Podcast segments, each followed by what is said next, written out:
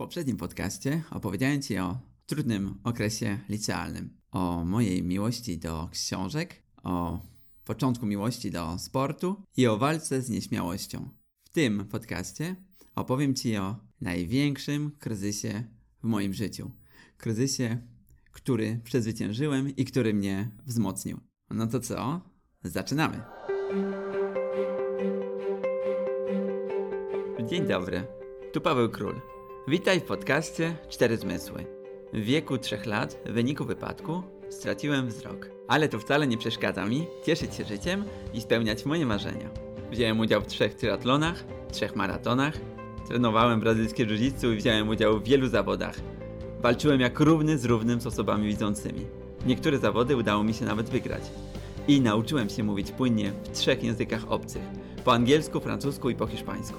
I zrobiłem wiele innych ciekawych rzeczy, o których chętnie Ci tutaj opowiem.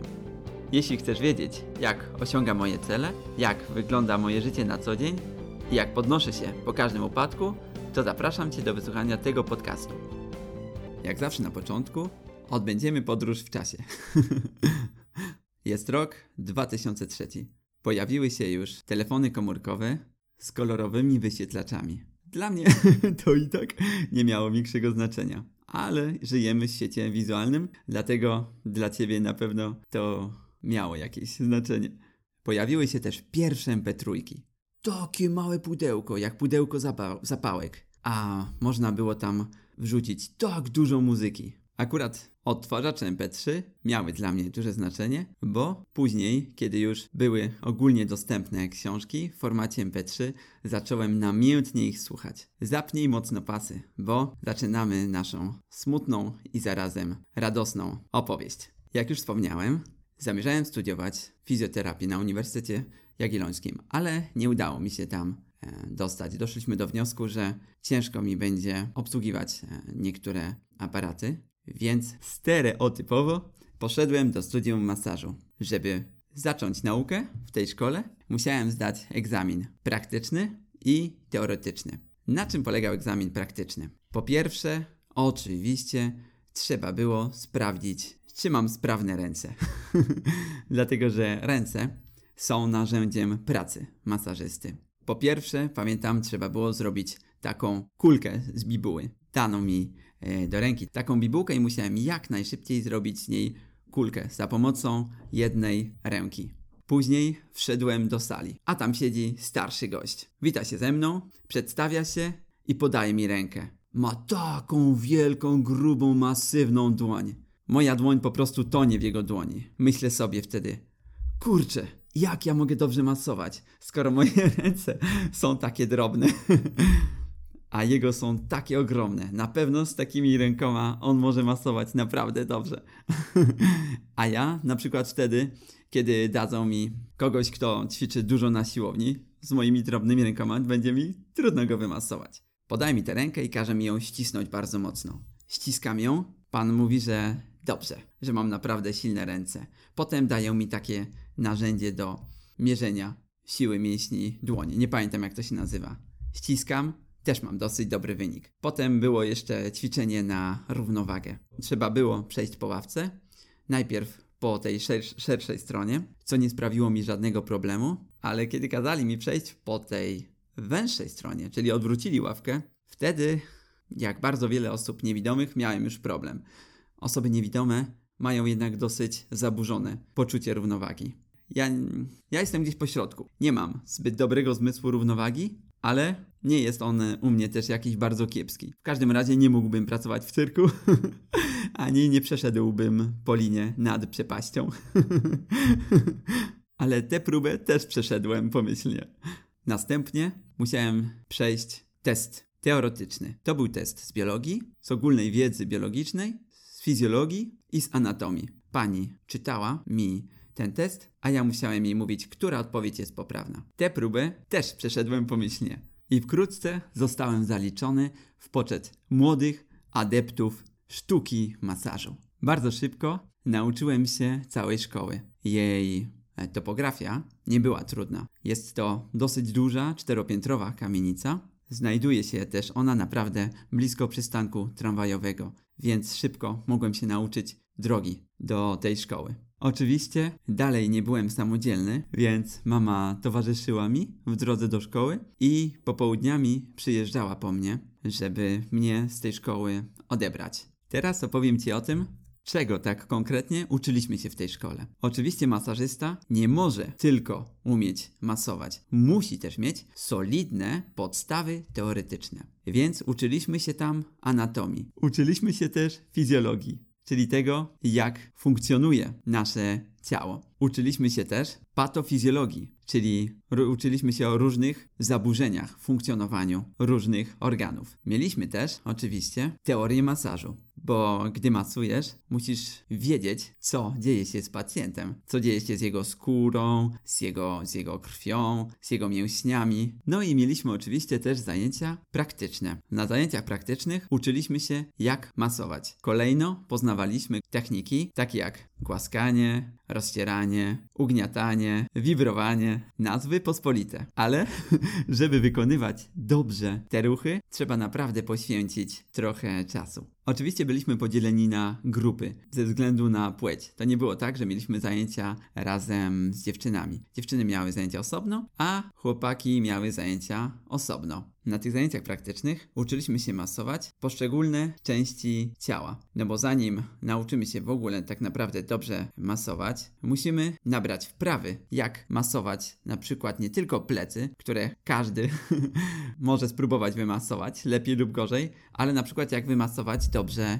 palce które są dużo mniejsze. No i to wymaga już jakiejś umiejętności. Na przykład rozcieranie, polegające na robieniu małych kółeczek palcami na początku, gdy nie mamy wprawy, nie jest czymś bardzo łatwym. Ugniatanie naprzemienne, gdzie ruchy są koliste, trzeba jak gdyby tak delikatnie rozciągnąć ten mięsień, jak gdyby tak lekko go przełamać, też wcale nie jest takie łatwe. No więc musieliśmy przyzwyczaić nasze ręce do ruchów, no, których normalnie tak na co dzień nie wykonujemy. Pewnie zastanawiacie się, jak wyglądały takie zajęcia z masażu. Otóż pracowaliśmy w parach. Dzieliliśmy się na pary i masowaliśmy się nawzajem. To znaczy nie w tym samym czasie. Tylko najpierw na przykład ja masowałem kogoś, a potem ktoś masował mnie kiedy kończyliśmy daną partię materiału, musieliśmy potem zdać egzamin. I nie wiem dlaczego, ale często koledzy brali mnie do zdawania egzaminów. Ja siadałem albo kładłem się, oni mnie masowali. Podobno mam miłą skórę. ja wiem, ja tego nie zauważyłem. Studium masażu to była nie tylko nauka, ale też dużo nowych, fajnych ludzi których tam poznałem. Zanim poszedłem, sądziłem, że do studium masażu będą chodzić głównie osoby niewidome albo prawie niewidome. Ale okazało się, że tak naprawdę to na całą klasę, a klasa miała przynajmniej 20 parę osób, było może, były może dwie, trzy osoby zupełnie niewidome i jakieś 10, które miały mniejsze lub większe problemy ze wzrokiem. Pozostała połowa klasy natomiast widziała dobrze. Często to byli studenci fizjoterapii, którzy po prostu chcieli podnieść swoje kompetencje. Do studium masażu chodziły osoby z całej Polski, z różnych środowisk. Poznałem tam osoby niewidome, które radziły sobie świetnie, już wcześniej mieszkały gdzieś w internacie. A, bo w ogóle zapomniałem wspomnieć, że jest to szkoła z internatem. Dla tych, którzy są gdzieś z daleka, są tam pokoje. No i oni sobie po prostu tam mieszkają. Dla nich to super. Znałem osoby, które przychodziły w piżamie na zajęcia. Naprawdę. Jest tam też stołówka, no więc mają wszystko pod ręką. Wstają sobie na pół godziny przed zajęciami, schodzą sobie szybko na śniadanie jedzą śniadanie, no i potem bezpośrednio idą sobie na zajęcia. Poznałem tam e, też ludzi, którzy jeszcze prawie w ogóle nie umieli chodzić laską. No, trochę jak ja. I takich, którzy radzili sobie już naprawdę świetnie, bo ta szkoła jest e, szkołą dla osób w różnym wieku. Byli tam ludzie od 19 roku życia, bezpośrednio po liceum, i tacy, którzy już przekroczyli 40 e, rok życia. Więc e, dla niektórych to było pierwsze doświadczenie daleko od domu, a dla innych to było po prostu przekwalifikowanie się. Mieli już jakąś pracę, ale chcieli nauczyć się czegoś nowego i zacząć życie e, na nowo, życie profesjonalne. Niektórzy też na przykład zaczęli tracić wzrok i dlatego chcieli nauczyć się masować, bo wiedzieli, że za jakiś czas stracą ten wzrok zupełnie albo prawie zupełnie i nie będą mogli dalej wykonywać pracy, którą, no, którą wykonywali. Teraz opowiem Wam o miłości do książek, która we mnie rozgorzała jeszcze bardziej w studium masażu. Jest pewne piątkowe popołudnie. Właśnie skończyłem lekcję. Wchodzę do biblioteki, a tam jest pani od łaciny. Bo zapomniałem powiedzieć, że mieliśmy też łacinę. I ta pani była też bibliotekarką. Wchodzę, pytam, czy ma pani jakieś ciekawe książki? Pani odpowiada, na pewno znajdzie się coś ciekawego. Czytam tytuły, czytam, wiecie, braillem czytam. Przesuwam palce po pudełkach, a to były jeszcze dawne czasy. I wtedy książki były na kasetach. Te pudełka były podpisane braillem. Czytam, czytam, czytam, czytam.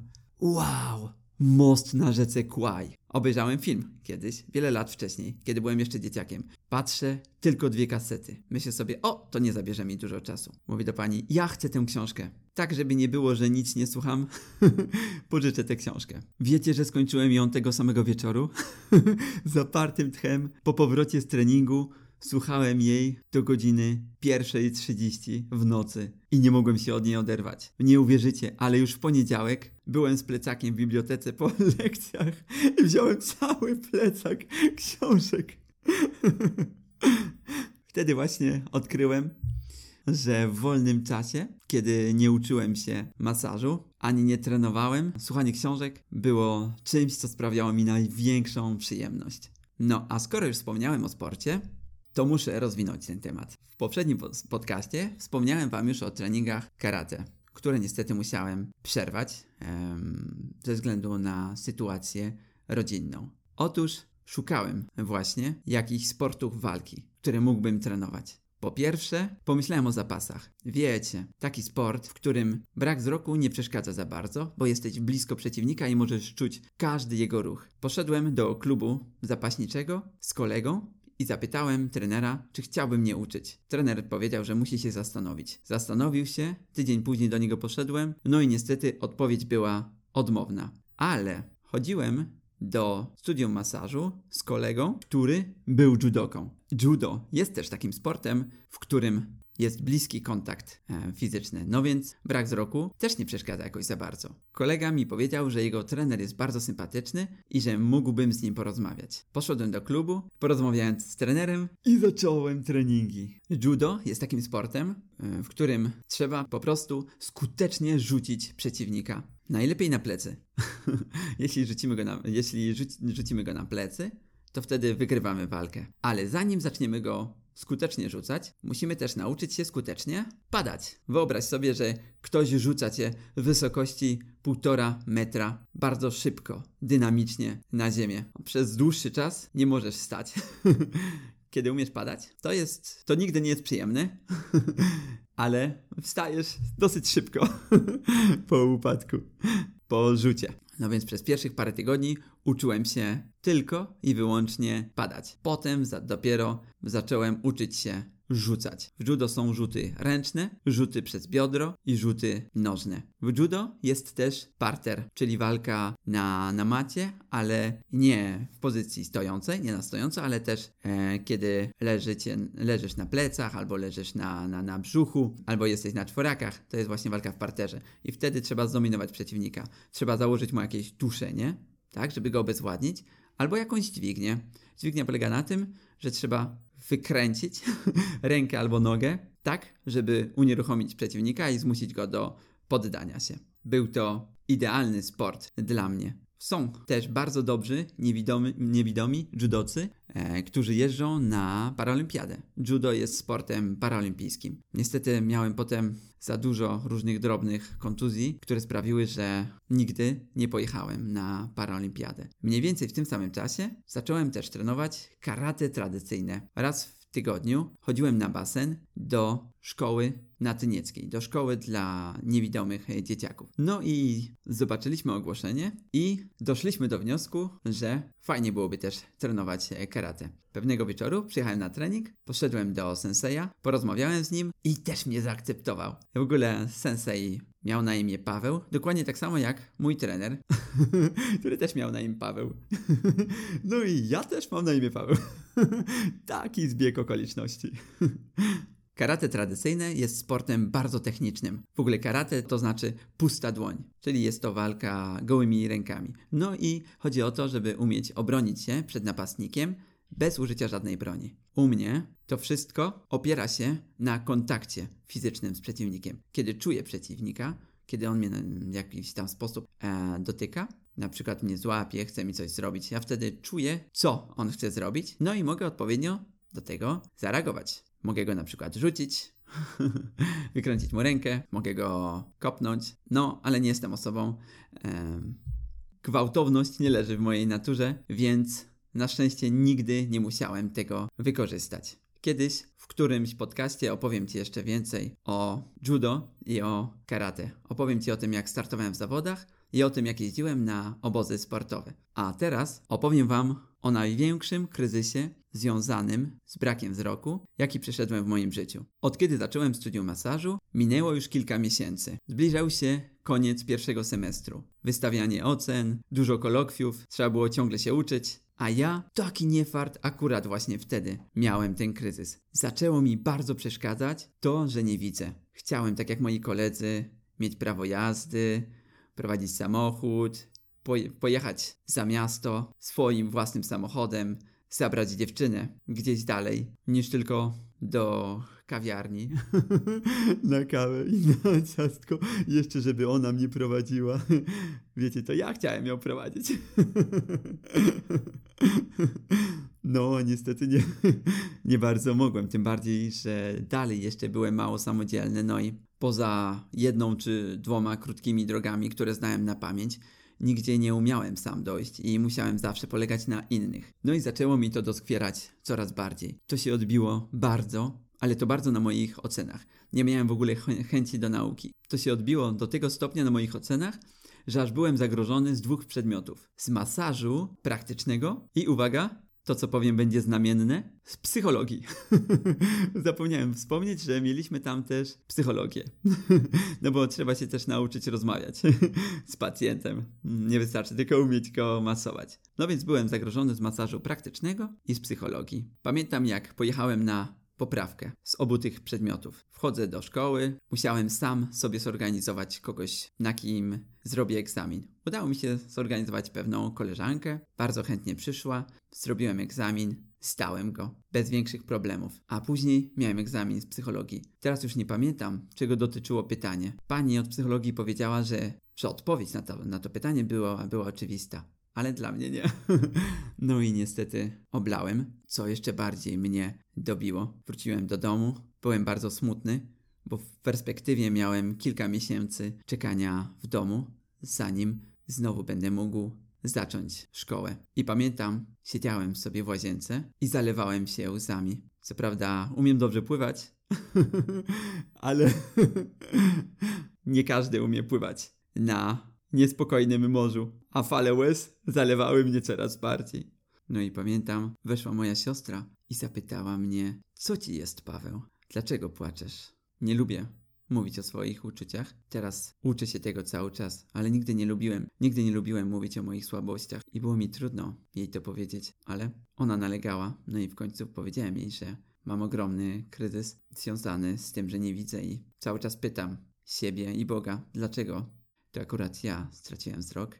I jaka jest moja misja w życiu w takim razie, skoro ja nawet sam nie potrafię się ogarnąć, nie umiem zrobić bardzo wielu rzeczy, jak ja mogę normalnie pracować, pomagać ludziom, skoro sam moim zdaniem nic nie umiem. I wiecie, siostra przytuliła mnie wtedy, zaczęła mnie głaskać, zaczęła mnie pocieszać, powiedziała mi, że mogę zrobić naprawdę dużo rzeczy, mogę pomagać ludziom, po prostu będąc zadowolonym, dawać im optymizm, dawać im radość i w ten sposób mogę sprawiać, że ktoś będzie szczęśliwszy, gdy zobaczy, że ja jestem zadowolony. Przestałem wtedy płakać i przemyślałem sobie jej słowa. Pomyślałem też o, o tym, jakim jestem szczęściarzem, że jestem młody i oprócz tego, że nie, nie widzę, to przecież nic mi nie jest. Jestem młody, zupełnie zdrowy i mogę robić setki różnych rzeczy. I wiesz co? Jak ręką odjął. Wszystko mi wtedy przeszło. Postanowiłem wtedy, że, że już nigdy nie będę nieszczęśliwy, dlatego że nie widzę. I że na przekór wszystkiemu zawsze będę uśmiechnięty i zawsze będę się starał dawać optymizm innym ludziom. Że będę się do nich uśmiecha, uśmiechał jak najwięcej, tak żeby widząc mnie, pomyśleli sobie, skoro on, nie widząc, jest taki zadowolony, dlaczego ja mam nie być? Przecież, przecież mi nic nie jest. I zacząłem to wcielać życie. Naprawdę zaczęło to działać. Ludzie, widząc mój uśmiech, sami się uśmiechali. Dzięki temu widziałem, że to ma sens. Nawet kiedy nie miałem ochoty się uśmiechać, nawet wtedy, kiedy nic mi się nie chciało, uśmiechałem się na przekór wszystkiemu i inni też się uśmiechali. W następnym podcaście opowiem Ci o tym, jak po raz drugi poszedłem do studium masażu. Jak dawałem optymizm innym. Jak dalej doskon samo doskonaliłem się i jak nauczyciele zaczęli mnie stawiać jako przykład dla innych uczniów. Już teraz zapraszam Cię bardzo serdecznie. Nie wiem, kiedy słuchasz tego podcastu, ale zbliżają się święta. Dlatego chciałem Ci życzyć z głębi serca bardzo wesołych świąt, spędzonych w jak najmilszej atmosferze, jak to tylko możliwe. Pamiętaj, że cała ta sytuacja związana z COVID-em kiedyś minie i znowu wszystko wróci do normalności. Dziękuję Ci bardzo za wysłuchanie tego podcastu. Był bardziej smutny od poprzednich, ale takie jest nasze życie. Jest smutne i radosne na przemian. Dzięki temu, że jest smutne, możemy jeszcze bardziej docenić te radosne chwile. Jeśli uważasz ten podcast za wartościowy, poleć go swojej rodzinie i znajomym. Myślę, że będą Ci za to wdzięczni. A my słyszymy się w następnym podcaście. I pamiętaj, na przekór wszystkiemu, uśmiechaj się jak najwięcej.